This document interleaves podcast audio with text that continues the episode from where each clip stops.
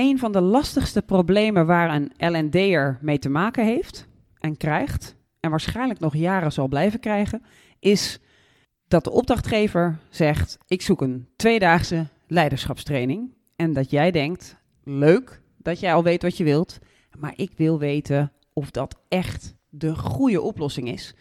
En waar dient dit eigenlijk toe? Wat is eigenlijk het echte probleem wat je wil oplossen middels deze training? Met andere woorden, de vergelijking die we al eerder hebben gehad. Je gaat met je rammeltje in je auto naar de garage. Dan zeg je, ik wil graag dat het rammeltje weggaat. Wat kost dat? En kan je het binnen twee uur doen? En ik wil maximaal 50 euro betalen. En dan zegt, als het goed is, de monteur, ja, dan wil ik wel eerst even kijken. En dat vinden we dan heel logisch. Maar voor net beginnende L&D'ers of trainers die van trainer naar L&D aan het bewegen zijn, is dat een hele lastige. En daar hebben we iets op gevonden. Welkom bij een nieuwe boost voor jouw missie No More Boring Learning. Dit is de Brain Bakery Podcast. Super fijn dat je weer luistert. Ik weet niet met Jana, je hoort haar al. Ah, Jan-Peter, lekker dat je er bent. En waarom is het nou zo super fijn dat je luistert? Ja, in alle bescheidenheid denk ik dat we iets echt heel waardevols hebben. Ja, het is wel vet. Want dat probleem dat je net beschrijft, ik herken het. Ik hoor het van superveel L&D-collega's. Ja. We hebben in, op allerlei manieren in eerdere podcasts het er ook al over gehad. Het is altijd weer dat de klant, intern of extern, altijd zegt... kom maar op met die training. Ja, En als L&D'er wil je onderzoeken, je wilt impact maken, je wilt weten waar kan ik dan die impact maken. Maar hoe doe je dat nou precies? ja. en hoe, hoe ben je toch aardig in het gesprek dat je zegt, wat leuk, een tweedaagse training, dat inspireert me heel erg. En hoe krijg je dan toch het gesprek over, ja, maar waar dient die dan toe? Ja. Wanneer zijn we happy? Ja. En daarvoor heb ik heel hard gewerkt, het heel veel bronnen gebruikt. En ik denk dat ik in elk geval tot nu toe, ik, over twee weken waarschijnlijk niet meer, want dan Mhm. heeft iemand hem verbeterd, maar tot nu toe wel een soort ultieme vragenlijst gemaakt Ja, die je kunt gebruiken. Waarbij ik ook heb geprobeerd om in kaart te brengen wat de meest gegeven antwoorden zijn, zodat je hem bijna kan inzetten als een soort checklist. Dat je kunt zeggen, nou je mag uit deze alternatieven kiezen, lieve, lieve gesprekspartner, lieve opdrachtgever, of klant. ja. Ja. ja schrijf mee, luister mee. Eh, kijk natuurlijk ook mee op onze site. Ja. Daar eh, vind je het artikel erbij en de vragenlijst. We zijn niet zo van de checklisten. Maar dit, ja, dit is dus ook niet echt een checklist. Dit is een vragenlijst die kan helpen Ja. om via een goed, waardevol en leuk gesprek te komen tot... wat is hier nou aan de hand ja, en wat is dus ook een slimme oplossing? precies. Ja, ach heerlijk. Ik vind Ja. het wel leuk. Ja, dus het zijn twaalf vragen. En sommige hebben alternatieven waar je kunt aankruisen. Of die je zelfs kunt toesturen zodat iemand zelf kan aankruisen. Je kan hem ook een soort schriftelijk gebruiken. Ja. En het zijn een heel aantal open vragen. En mijn grootste aarzeling zat, want ik ben, dat weten veel luisteraars denk ik wel, heel erg fan van het achtvelden-model van de onvolprezen Kessels en Smit.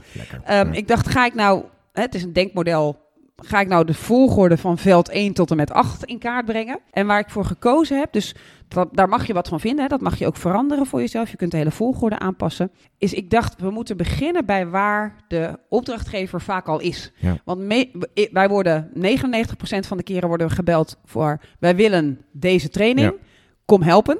Dus ik heb hem ingestoken niet bij wat is het probleem, probleemanalyse. Maar ik heb hem ingestoken bij welke oplossing zie jij voor ogen. Dus Ja. daar, we beginnen eigenlijk daar waar de aanvrager zich het vaakst bevindt. Ja, dus wat zit er al in zijn of haar hoofd? Precies, Ja. dat er eerst maar eens even uithalen voordat we dan de diepte ingaan. Ja, ik vind dat een hele slimme keuze. Want ik merk het ook bij mijn eigen klantgesprekken. Als zij zeggen, even heel plat gezegd, kom met een traject van eh, drie maanden en zegt, heel cool, wat is het probleem? Dat moeten ze zo schakelen. Ja. Dat zou intellectueel wel wel kunnen, maar dat wordt niet een heel fijn gesprek Nee, meteen. nee. Dus inderdaad eerst maar eens even, Even hoe zie je dat downloaden, voor je? wat, wat heb je al in je hoofd? Ja. ja. Ja, zal ik ze doornemen, Ja, de ja. twaalf vragen? Ja. Ja. nogmaals, we leggen niet ieder alternatief dat je aan kan kruisen uit. Maar we gaan staan wel even stil bij ieder van de We gaan vragen. natuurlijk niet de vragenlijst voorlezen, maar we gaan wel even de gedachten erachter, wat zou het kunnen opleveren enzovoort. Precies, Ja. ja. En lees vooral mee op de site. De eerste is dus, welke leeractiviteit vraag jij aan? Ja. Dus we zeggen ook niet welke training vraag je aan, hè, welke leeractiviteit vraag je aan. En dan ga je er gelijk bij zeggen, leeractiviteiten kunnen natuurlijk uit meerdere onderdelen bestaan. Eh, dus je kunt er ook meerdere selecteren. Ja. En dat doen we gelijk om, als iemand nogal ouderwets denkt, ze eigenlijk gelijk een beetje op te voeden dat er alternatieven zijn. Ja. Dus als, als jouw opdrachtgevers in jouw organisatie standaard komen met het moet online of het moet live en ze hebben daar een soort stokpaardje in, dan zie ik deze vraag ook een klein beetje als een soort educatieve Ja, vraag. ja. Je bent ze eigenlijk stiekem een Ja. beetje aan het opvoeden. Ja. Ja. ja, dat vind ik het leuke ervan. Dat. Ik zie het echt voor me dat klanten door die alternatieven gaan en zeggen... Oh, dat Eh. kan ook inderdaad. Ja. ja. Ja, dus het is een soort verkapte les. Ja. ja. En dan heb ik er een hele aantal opgeschreven. Ik lees er hier maar een paar voor. Maar training in een klaslokaal. eh, een online eh, training via een tablet of een telefoon of een computer. Eh, misschien wil je wel educatieve dingen aanbieden via online universiteiten. Hè? Wil je iets inkopen? Wil je juist dat wij een kennisbank voor je gaan? Hè? Is dat, wil je de ontwikkeling van een kennisbank? Nou, dan hopen we, Ja. als je dat soort dingen zegt, dat sommigen zeggen... Oh, dat bestaat natuurlijk Ja. ook. Ja, ook best handig. Ehm, Zit het juist op het mentorschap? Wil je dat we checklists en job aids en power sheets gaan organiseren voor je die je kunt uitdelen? Dus wil je eigenlijk dat we hulpmiddelen voor je ontwikkelen? En eigenlijk hebben we zo'n hele lijst met alles wat een L&D er allemaal kan leveren, zodat in elk geval in vraag 1 ze kunnen zeggen wat ze bedacht hadden, maar misschien ook al op het idee komen. ook best leuk. Mm. Ja. ja, heel goed. Ja. En deze eerste vraag zegt dus eigenlijk kies uit alternatieven. En de tweede vraag is eigenlijk gewoon de, de opvolger ervan. Dus je kan hem ook als onderdeel van één zien. Maar is, ga nou eens even omschrijven wat jij al in je hoofd had. Dus nu niet, hoef je niet meer in een checklist te zitten. Jij dacht aan Gewoon, twee dagen op een boerderij met heel veel drank 's avonds, weet ik veel wat. En Ja. een vlot. Iets met een vlot, want je hebt zelf ook iets met een vlot meegemaakt. dus ik en dat, iets met een vlot. dus er moet iets met een vlot. En dus hier mogen ze even vol wat er al in hun hoofd zat. En dat ga je ook gewoon dan heel beleefd naar luisteren, Ja. noteren. Misschien ga je al wel vragen, oh, waarom dacht je dat? Dat je het een beetje oprekt. Maar je gaat eerst even dat noteren van, oh, oké, dat is wat je dacht.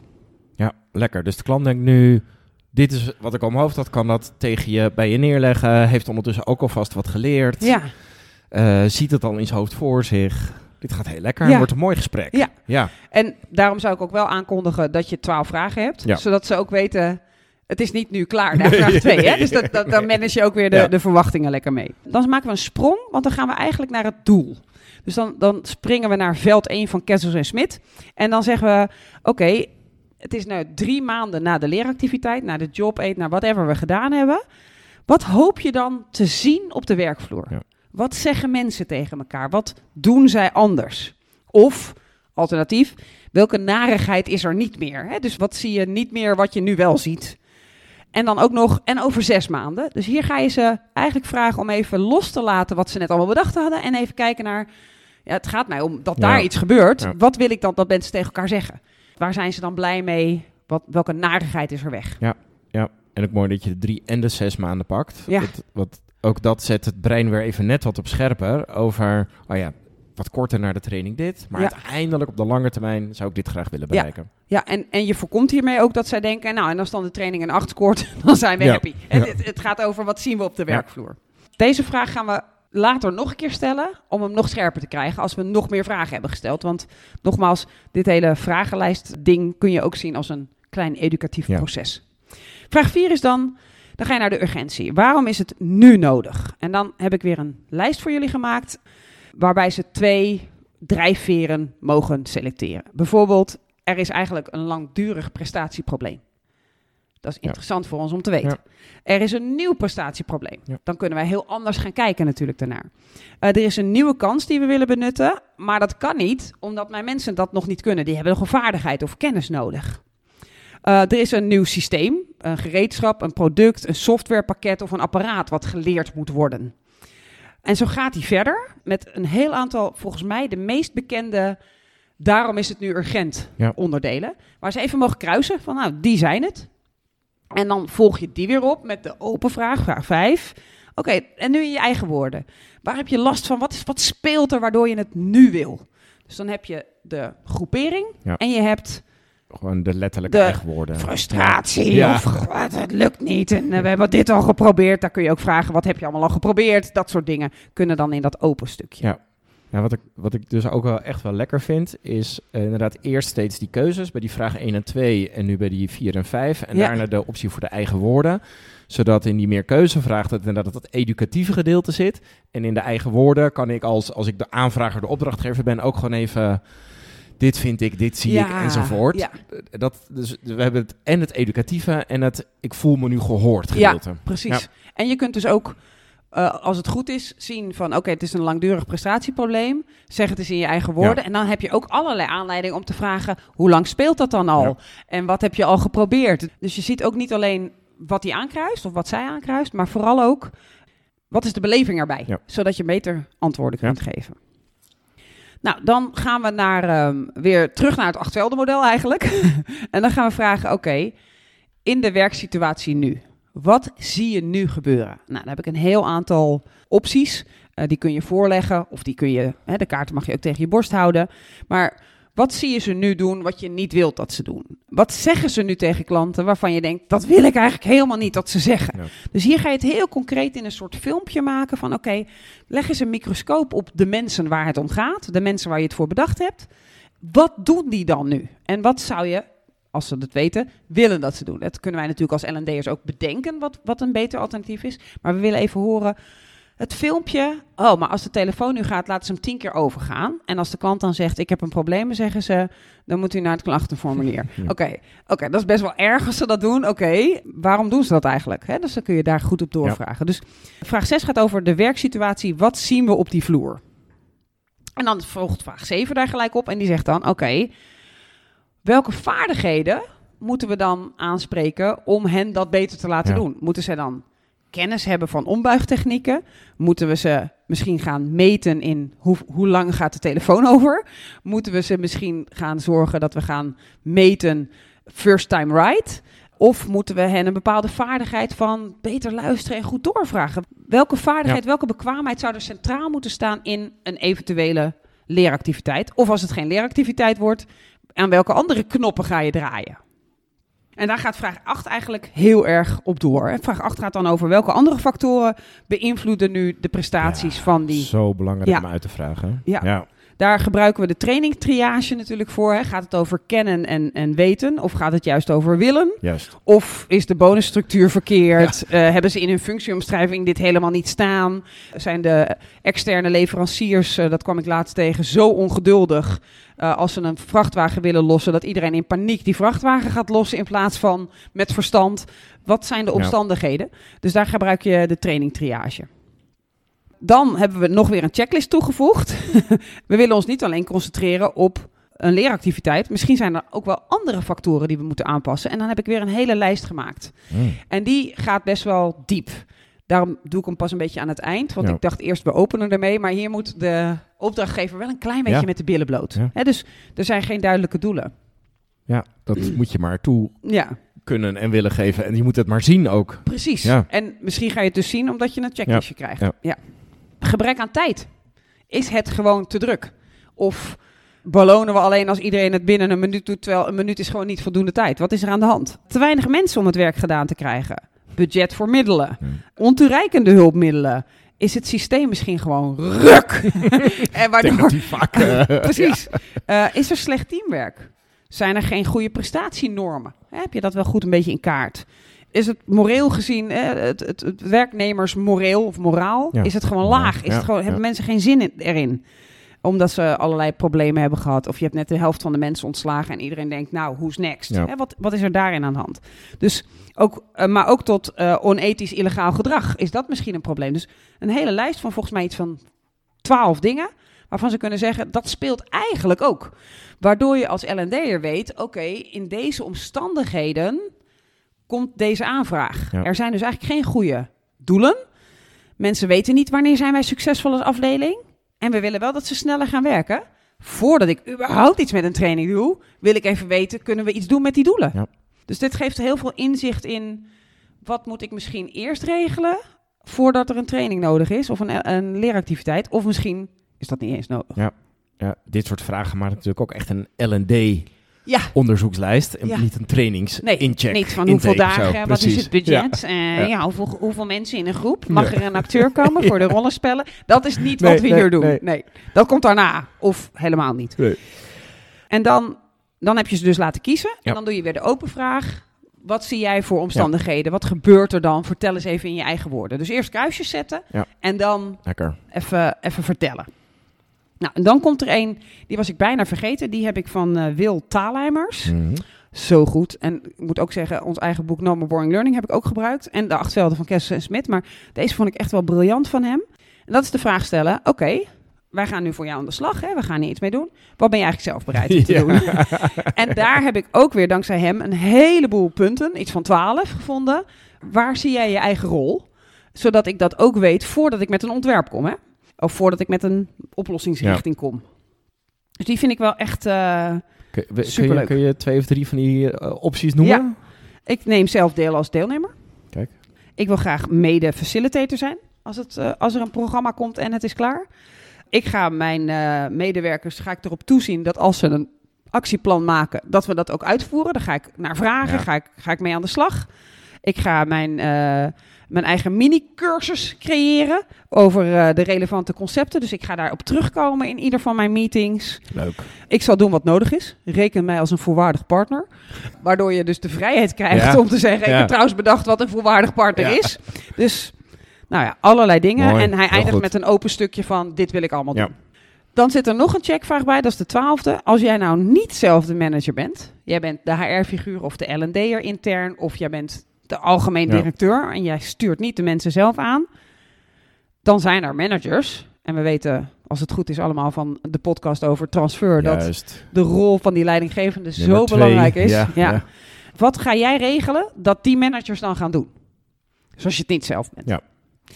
En die vond ik ook wel super slim. Ja, Want want heel vaak is degene die met de trainingsvraag komt, inderdaad niet direct de manager. precies, precies. Ja, heel goed. En dan, we, dan gaan we richting dat is de het laatste. einde, hè? Ja. ja. En dan ga jij zeggen, oké, Ja. dit en dit is wat ik hoor. Dan kun je misschien proefballontjes op gaan halen, op gaan laten en gaan testen. Wat vinden ze daarvan? Je kunt gaan zeggen, ik denk dat een hele leeractiviteit niet hoeft. Ik denk dat, Juist. het, dat het hem daar zit. Eh, je kunt ook zeggen, ik trek mij nu terug in mijn ivoren toren met mijn collega L&D's. En ik kom bij je terug en we gaan sparren.